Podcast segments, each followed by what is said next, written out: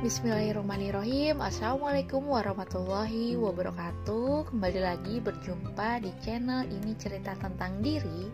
Bersama saya Risti Triana Bahrun Mahasiswi perkuliahan Bunda Sayang batch 6 Di Institut Ibu Profesional. Hari ini merupakan hari ketujuh tantangan selama 15 hari berkomunikasi produktif di zona 1 Adapun kasus atau temuanku hari ini adalah lagi-lagi berkaitan dengan anak pertama saya yaitu bagaimana berkomunikasi melobi untuk tetap tidak bermain atau tidak beraktivitas di luar rumah saat cuaca sedang panas.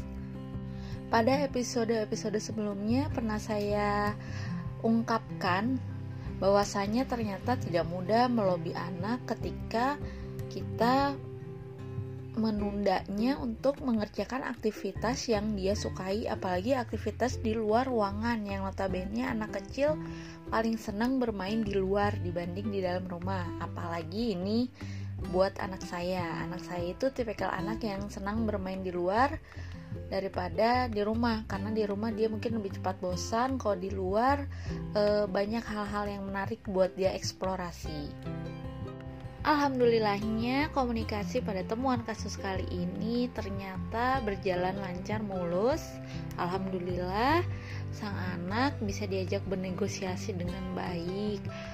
E, awalnya dia meminta untuk bermain di luar dengan aktivitas yang seperti biasa dilakukan yaitu bermain sepeda. Lalu saya jelaskan bahwasannya e, kondisi cuaca di luar masih sangat terik dan panas. Khawatir kalau main lagi di luar nanti kulitnya terbakar kembali.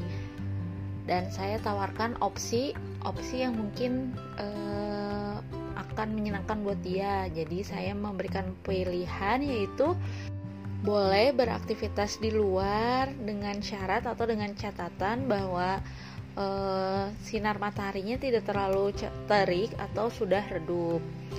Dan itu disepakati olehnya langsung. Poin komunikasi produktif yang saya lakukan yaitu seperti biasa poin KISS keep it simple and short yaitu tetap memberitahukan informasi kepada anak saya secara simple, jelas, padat, dan singkat. Yaitu tadi menjelaskan bahwasannya e, boleh bermain atau beraktivitas di luar dengan opsi-opsi yang saya pilihkan untuknya. Yang kedua, tetap e, memberikan waktu untuk anak saya mengungkapkan perasaannya, apa yang dirasakannya, entah dia keberatan, entah dia merasa sedih, entah dia merasa setuju dan lain-lainnya. Yang ketiga, tetap menggunakan intonasi yang baik dan tidak bernada tinggi. Yang keempat, yaitu menjalankan atau memenuhi janji dari opsi yang telah saya tawarkan kepadanya tadi. Jadi jangan sampai e, ketika kita melakukan komunikasi, menemukan masalah, mencari solusi bersama, disepakati dan akhirnya ketika telah disepakati solusi malah tidak dijalankan. Nah, ini nantinya akan e, menimbulkan kekecewaan pasti pada sang anak.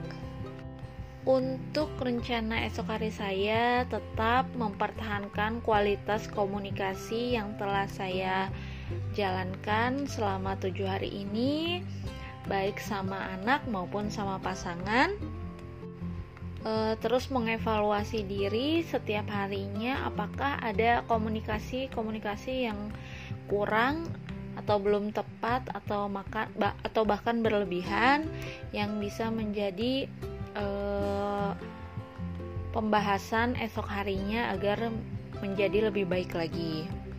Untuk bintangku hari ini adalah bintang 5. Alhamdulillahirabbil alamin uh, terima kasih diri ini atas kerja kerasnya, atas kemauannya dalam berkomunikasi produktif dan untuk memperbaiki diri agar lebih baik tiap harinya.